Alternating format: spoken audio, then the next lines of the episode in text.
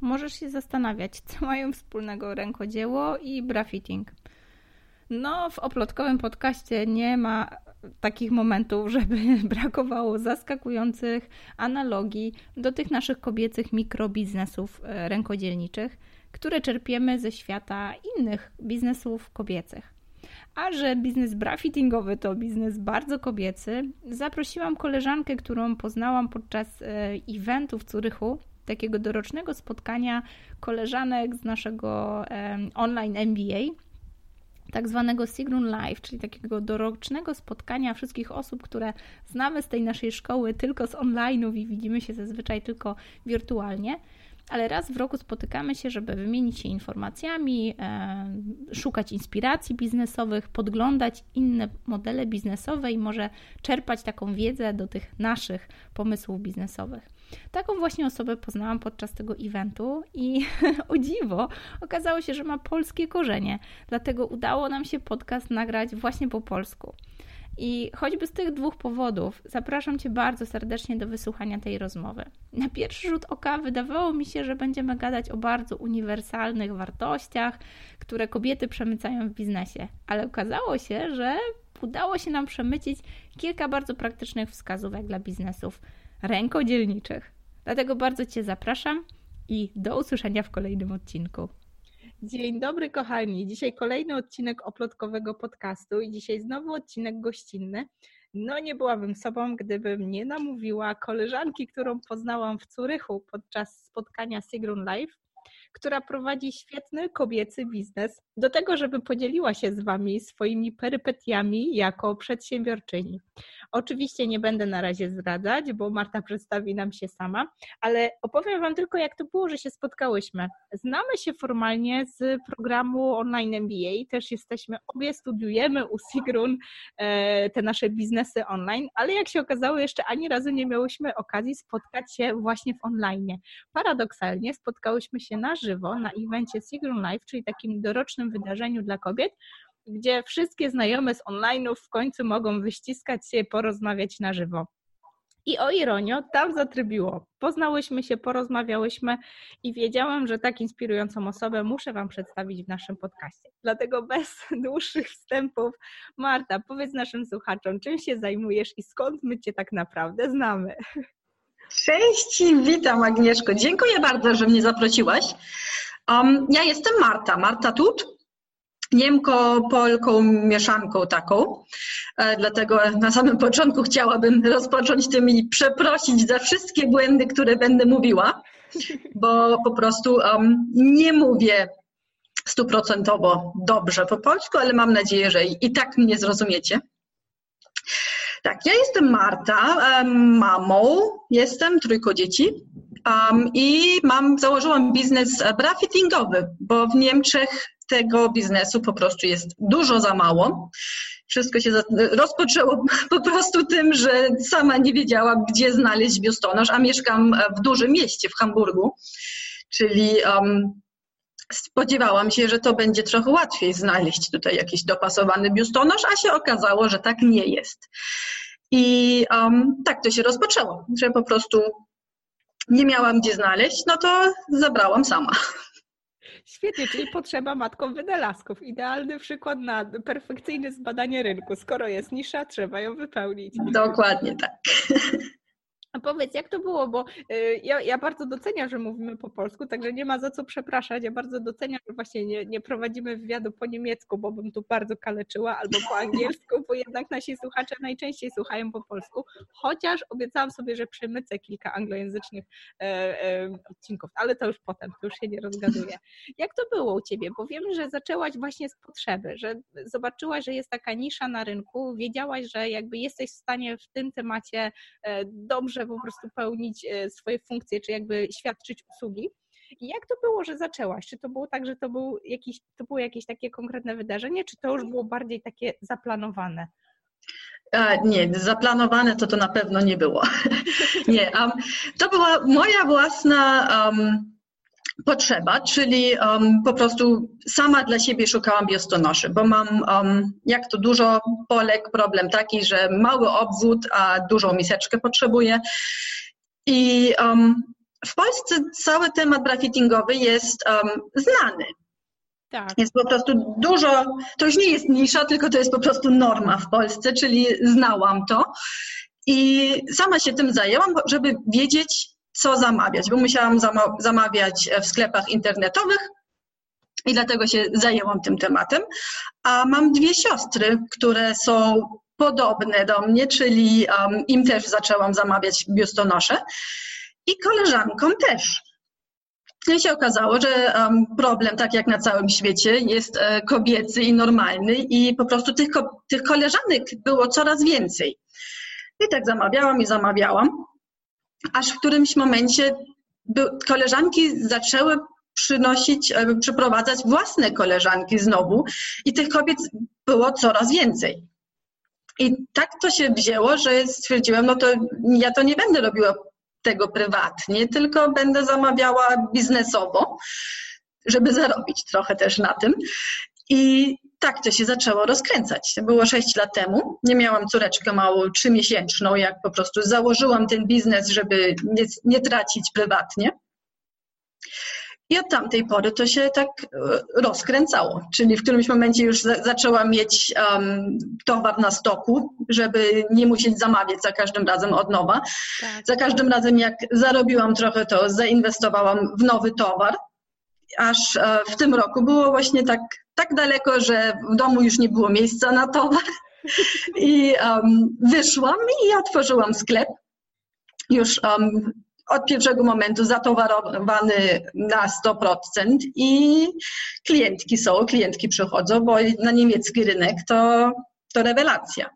Tak, rzeczywiście to jest coś pionierskiego, że nie ma tych usług. Aż, aż dziwne, prawda? Że, że, że są to usługi, które na naszym rynku są o wiele bardziej rozwinięte niż na tym niemieckim rynku. Znaczy, ja nie jestem jedyna na niemieckim rynku, jest nas mniej więcej dziesięcioro na cały niemiecki rynek. Idealna Także, Wystarczająco klientek jest, tak.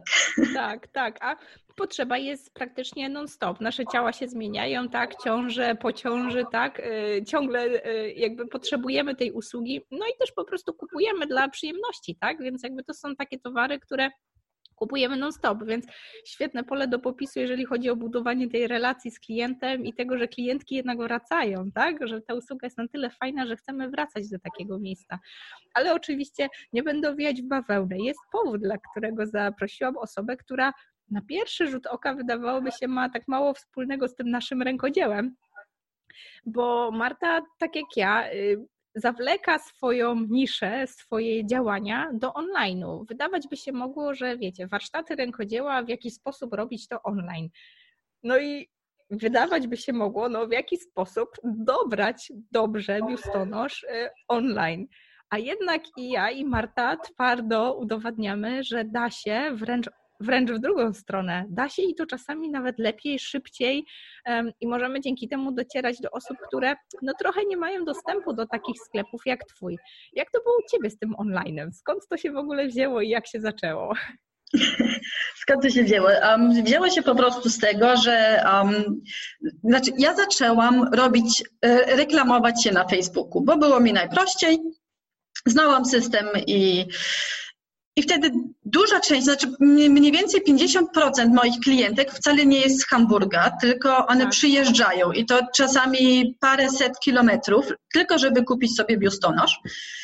I tych klientek jest dużo. Ja, ja zaczęłam rozwijać ten biznes online, żeby uczyć, żeby uczyć kobiety, jak to w ogóle po, po, czym można poznać dopasowany e, biustonosz, po czym można poznać, czy biustonosz jest dobry, w którą stronę można go zmienić. Po prostu cały brafitting uczyć online, żeby ta wiedza była na tym świecie. W, w Niemczech ta wiedza jest po prostu no po prostu jej nie ma. Kobiety tak, nie wiedzą, jak tak, się ubrać. Pomagasz sobie w pracy, bo edukujesz klienta i on już o wiele bardziej przygotowany przychodzi do ciebie do sklepu, prawda?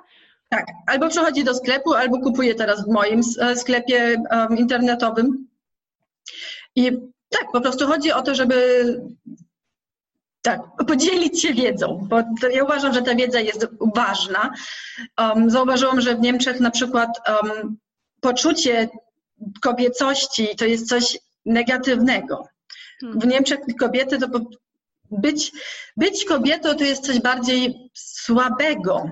No nie, no niby słabość, dlatego one się tak trochę chowają i ja chcę ja chcę to zmienić. Mi się to bardzo podoba. Jeśli przyjeżdżam do Polski, to no wszystkie kobiety są wypracowane, um, zadbane, ubierają się, malują się, po prostu pokazują kobiecość i to wcale nie jest słabością, to wcale nie jest żadną wadą, to jest wielka zaleta. I jeden punkt do tego jest bardzo potrzebny, czyli możliwość znalezienia rzeczy, u, ubrań, które pasują do własnego ciała. Mhm, I dlatego uważam, że ten trafficking jest ważny i dlatego uważam, że trzeba nauczyć Niemki, jak to się jest kobietą.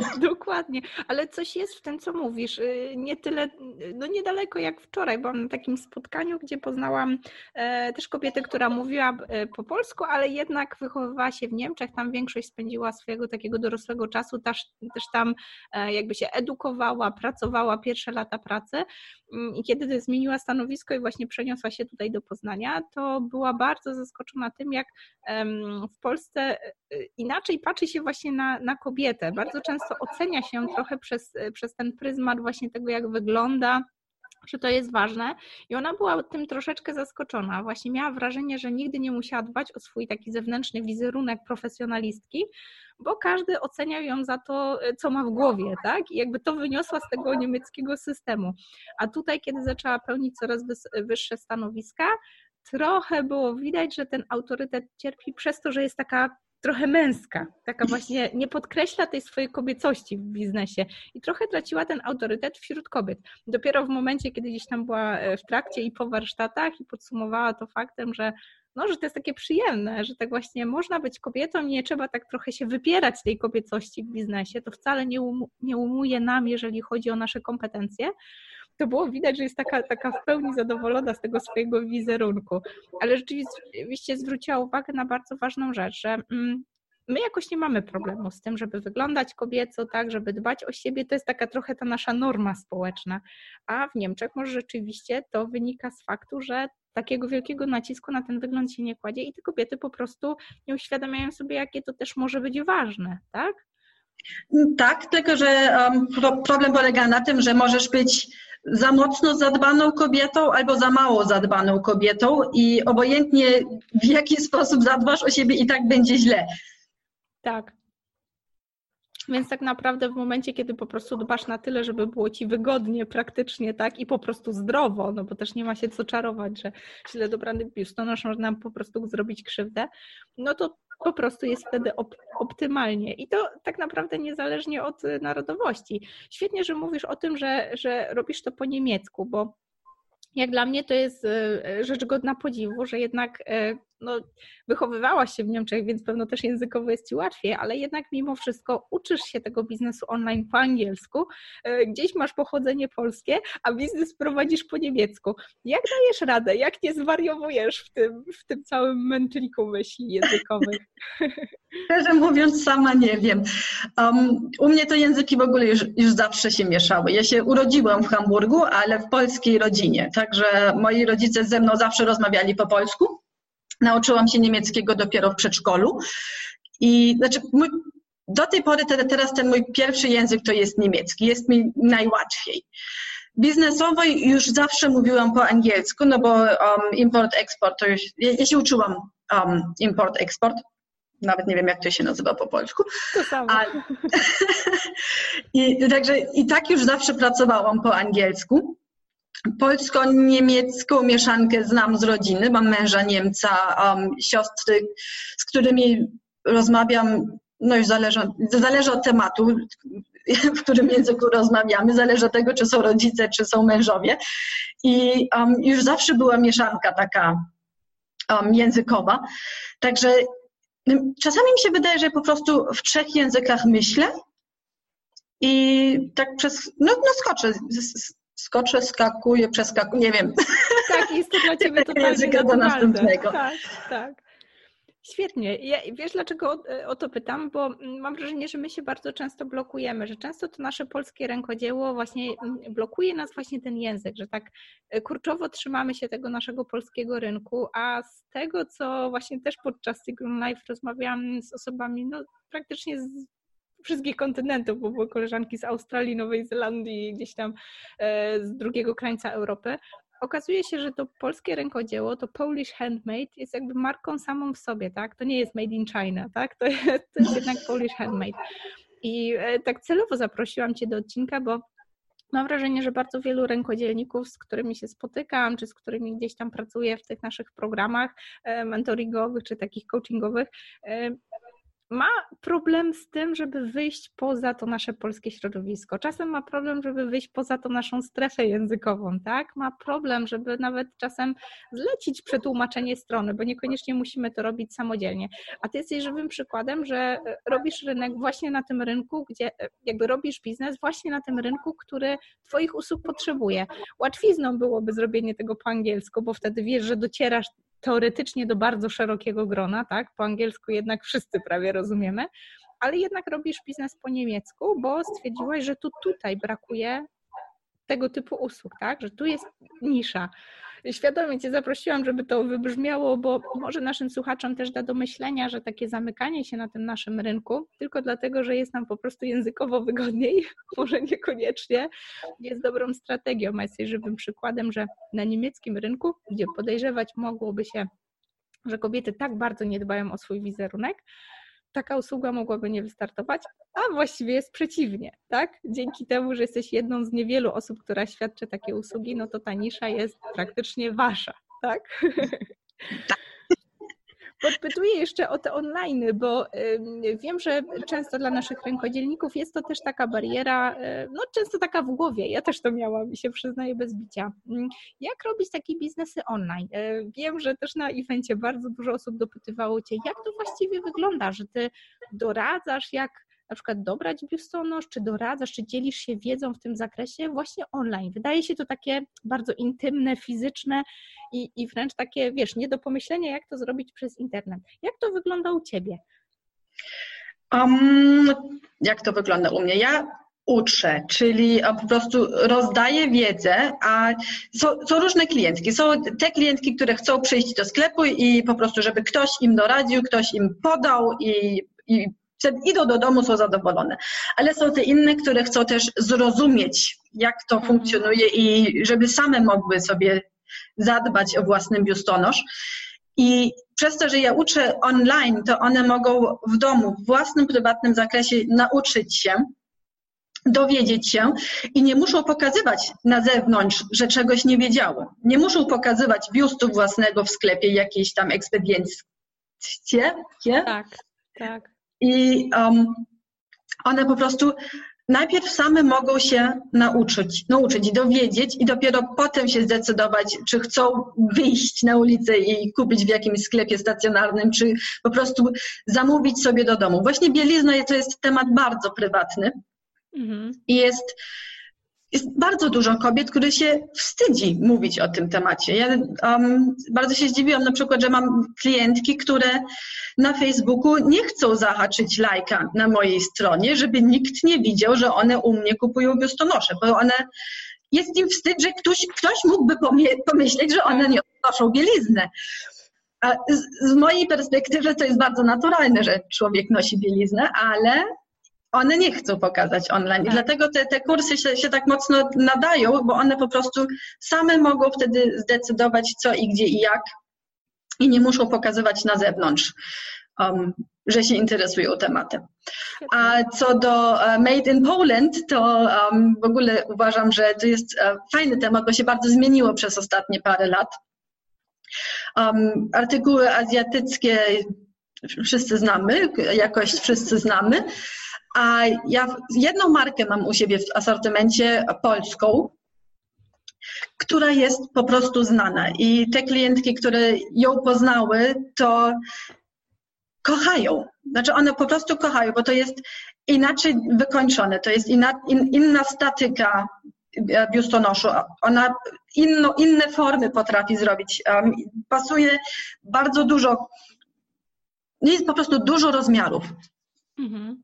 I um, ja mam dużo marek brytyjskich na przykład, ale właśnie też te polskie, znaczy to jedną polskę i jeszcze dwie inne, które tak um, nie są aż tak mocno znaną marką. Tak. I um, klientki po prostu na pierwsze spojrzenie cieszą się, że to nie jest nic azjatyckiego, że to nie jest wszystko jakieś byle jakie coś. Um, w bieliźnie na przykład wcale im nie za bardzo zależy na tym, żeby to była jakaś produkcja francuska, bo im mm. ze strony brafittingowej um, to musi być dopasowane i funkcjonować. I wtedy może być ładne, a nie z drugiej strony. Francuskie marki bardziej robią śliczną i piękną bieliznę, mm. ale niekoniecznie um, pasującą na inne większe rozmiarówki. Tak. I, I dlatego te polskie w tym momencie po prostu są fajne. On, I klientki to lubią. Dlatego wcale nie uważam, że Polska powinna się chować, bo jakość jest. Um, nie wiem, czy, czy wy wiecie wszystkie, ale um, polskie biustonosze, bios, polski rynek um, bieliźniarny jest jeden z największych na świecie um, produkcje są fajne i jest po prostu, no jest francuski rynek dla bielizny, czyli chic i ładny i coś tam eleganckie. Tak. I po prostu dobrej jakości, wcale nie aż takie drogie produkty polskie, które też są bardzo ładne, ale jeszcze bardziej praktyczne. Dobrze Także... słyszeć, dobrze słyszeć. Też nie miałam pojęcia o tym. Widzisz, ty znasz branżę, więc te, takimi informacjami jesteś w stanie się podzielić. A to tylko udowadnia temu, że tak naprawdę nie odstajemy od reszty świata, reszty, reszty Europy e, i nie ma co zwalać, że ta, ta nasza Polska to taki trochę zaścianek. E, często mamy takie myślenie, tak, że nie dam rady, gdzie ja tam do świata i tak dalej, a ty jesteś też no, żywym dowodem, że te polskie marki nie tylko są piękne, ale też funkcjonalne, tak? Spełniają swoje zadanie, więc ta poprzeczka rzeczywiście jest dla nich jeszcze wyżej. Y, mam jeszcze takie jedno pytanie. Wiem, wiem, że to jest takie pytanie, które często pojawia się tutaj w podcaście i e, wiem, że słuchaczki są do niego przyzwyczajone, ale daję sobie świadomie na nie dosyć dużo czasu, bo często jest tak, że są takie momenty, które nas definiują, że często jest tak, że jak odnosimy sukcesy, trochę nam tak łatwo idzie, no to jest to takie bezbolesne, bezbolesne, ciągle ta strefa komfortu, jest nam tak dobrze, cieplutko i mięciutko. Ale często mamy też takie przygody, które nas wybijają z rytmu, gdzieś tam, wiesz, zbijają z pantałyku. I dopiero po jakimś czasie jesteśmy w stanie tak naprawdę je docenić. Kiedy to się dzieje, to jest koniec świata, a dopiero z jakiejś dłuższej perspektywy stwierdzamy, hmm, to było nam po coś potrzebne, dlatego jestem tu, gdzie teraz jestem, albo to się wydarzyło, żebym sobie mogła coś uświadomić. Czy, czy u Ciebie też było w tym biznesie e, takie potknięcie, albo jakaś taka cenna lekcja, która wiesz, w pierwszym momencie wydawała się takim, o kurczę, koniec świata. A teraz jak patrzysz na to z perspektywy, to hmm, to było mi potrzebne, po to, żebym była tu, gdzie teraz. Um, jeden taki naj, najważniejszy z moich momentów to był ten, że um, ja po prostu jestem sobą.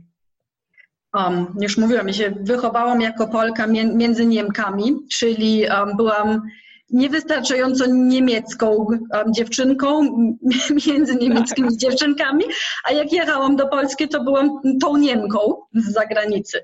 Czyli nigdy nie byłam jedną z nich. Zawsze byłam ta inna.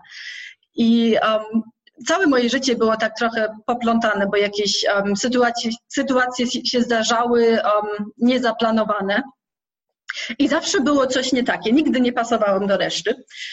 A jak się zajęłam graffitingiem po prostu jako własne hobby, tylko dla siebie, to um, wcale się nie zastanawiałam nad jakimś biznesem. Ja w ogóle nigdy nie chciałam mieć własnego biznesu, bo nie chciało mi się tak. tyle tej odpowiedzialności.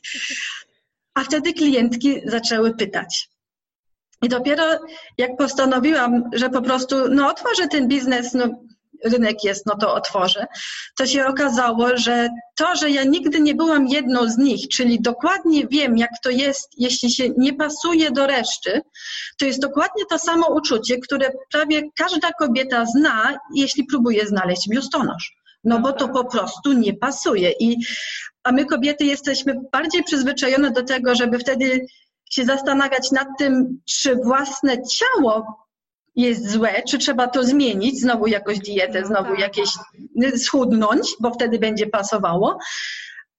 a nie, że biustonosz po prostu ma nie ten rozmiar albo nie tą formę, którą powinien mieć. No właśnie. Czyli bycie kimś innym, co dla mnie było wielkim problemem przez pierwsze 25 lat mojego życia, okazało się, że jest największą cechą, którą mam.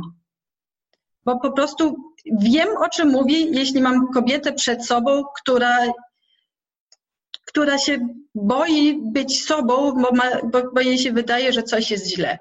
Mhm. A jak dotarło do mnie, że to nie jest wada, tylko zaleta, to, um, to wtedy rzeczy zaczęły być łatwiejsze. Tak, tak to było. Bardzo cenny, bardzo cenny przekaz. I, I tu masz rację, że rzeczywiście my szukamy tej winy zawsze po swojej stronie, że zawsze to z nami jest coś nie tak. I nawet właśnie y, artefakt bieliźniany jest w stanie wybić nas po prostu z tego poczucia własnej wartości, że, że to z nami jest wszystko ok, tak? My po prostu potrzebujemy pomocy z dobraniem odpowiedniego rozmiaru, a nie potrzebujemy trzech miesięcy na siłowni, żeby nasza figura wyglądała inaczej. To jest bardzo cenny przekaz, kochana. Ja bym jeszcze chciała Cię poprosić dosłownie o ostatnią rzecz, bo Wiem też, że jakby będziemy utrzymywać kontakty w tym naszym Soba Momentum i wiem, że jakby znamy się z online'ów, ale czy jest coś takiego, co chciałabyś przekazać e, naszym słuchaczkom odnośnie właśnie tego, tego czym się zajmujesz? Wiemy, że to jest właśnie bardzo osobista sprawa i często są takie rzeczy, o których nie mówimy głośno. Ty edukujesz w tej materii, ale po niemiecku rzeczywiście nasze słuchaczki, jednak dla niektórych może to być bariera, ale na pewno jest taki główny przekaz, który przyświeca temu, co, co przekazujesz w tych materiałach, jakby coś, co, taki, co jest taką główną myślą, z którą chcesz zostawiać e, swoje klientki. Podziel się z nami. Myślę, że nasze słuchaczki na pewno zrodzi to w nich jakąś refleksję i na pewno uderzą po prostu, żeby zadbać też o siebie, nie tylko w zakresie tym właśnie bieliźnianym, ale też zadbać o to, żeby dobrze czuły się ze swoim ciałem i nie szukały tej winy po swojej stronie, tylko może po prostu popracowały nad tym, żeby dobrać lepiej rozmiar, czy lepiej fajny ciuch i podkreślić to, co mają w sobie pięknego. Um, tak, mam jedno zdanie. Po prostu um, bądź sobą i um, zostań sobą i uh, dziel się tym. jest tyle kobiet na świecie, które boją się mówić o własnych problemach, rozmawiać o własnych problemach, a w tym momencie, jak się otworzy buzię i zacznie rozmawiać, to się okazuje, że te problemy nie są własne, tylko jest dużo osób, które zna ten problem. I jeśli zaczniemy rozmawiać ze sobą, to się okazuje, że każda z nas ma, zna malutki odcinek odpowiedzi. I jeśli będziemy rozmawiały ze sobą, to z tych malutkich odcinków się okazuje ta jedna wielka odpowiedź, która nam pomoże wszystkim. I czy to już jest biustonosz, czy to jest rękodzieło, ale podziel się wiedzą, żeby inne dzieliły się z tobą i wtedy będziemy wiedziały. A ja uważam, że że my kobiety po prostu musimy się dużo bardziej dzielić wiedzą, bo ta wiedza jest na tym świecie. Każda z nas coś z tej wiedzy zna. A jeśli będziemy znały wszystko, czyli jak będzie coś takiego jak encyklopedia kobieca, to tyle problemów światowych po prostu się rozwiąże. Dlatego rozmawiaj z innymi, mów o swoich problemach, dziel się, bądź sobą, nie zmieniaj siebie, tylko um, bądź sobą taką, jaka jesteś, bo na pewno komuś będziesz, będziesz w stanie pomóc. Świetnie, Marta. Dziękuję Ci bardzo za ten dzisiejszy podcast. Myślę, że z takim przesłaniem zostawiamy nasze słuchaczki. Nie chcę tego przebijać żadnym przegadywaniem, bo nic piękniejszego na podsumowanie sama nie byłabym w stanie wypowiedzieć. Jeszcze raz Ci dziękuję za dzisiejszy wywiad. Ja bardzo dziękuję, Agnieszka.